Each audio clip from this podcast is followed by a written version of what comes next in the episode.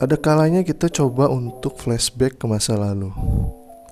Untuk mengenang masa-masa yang udah dilewati sambil merenung dan meratapi kegagalan sekaligus sesekali kagum dengan keberhasilan zaman dulu.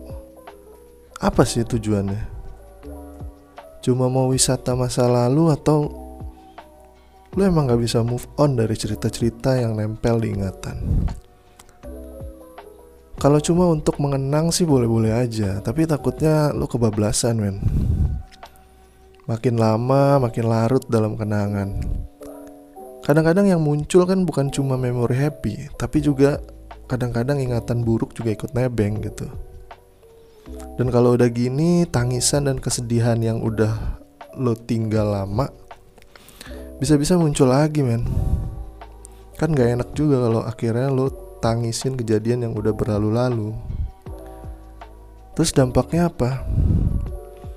Ibarat kerjaan ya. Lo udah naruh file kerjaan lo di kardus yang disegel.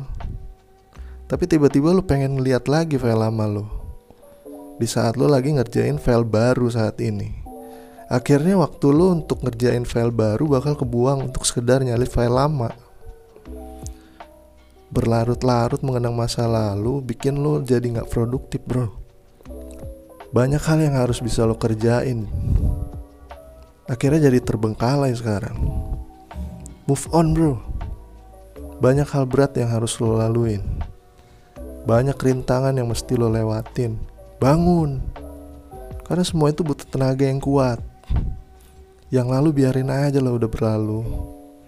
Cukup dikenang sekali lewat aja untuk bahan evaluasi supaya kita nggak jatuh ke lubang yang sama.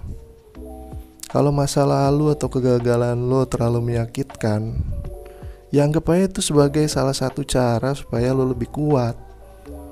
Supaya lo tahu gimana rasanya jatuh bangun. Ya mungkin ini cara supaya nanti ketika lo sukses, lo benar-benar nikmatin kesuksesan yang lo dapet itu secara mental juga nggak baik.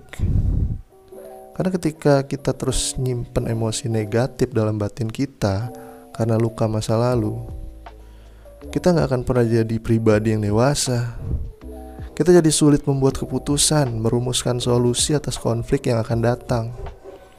Dan yang terpenting adalah menjadi dewasa itu tentang menikmati kehidupan saat ini merangkul masa lalu dan yakin pada masa yang akan datang ya udahlah segitu aja dulu. Terima kasih udah mau dengerin gue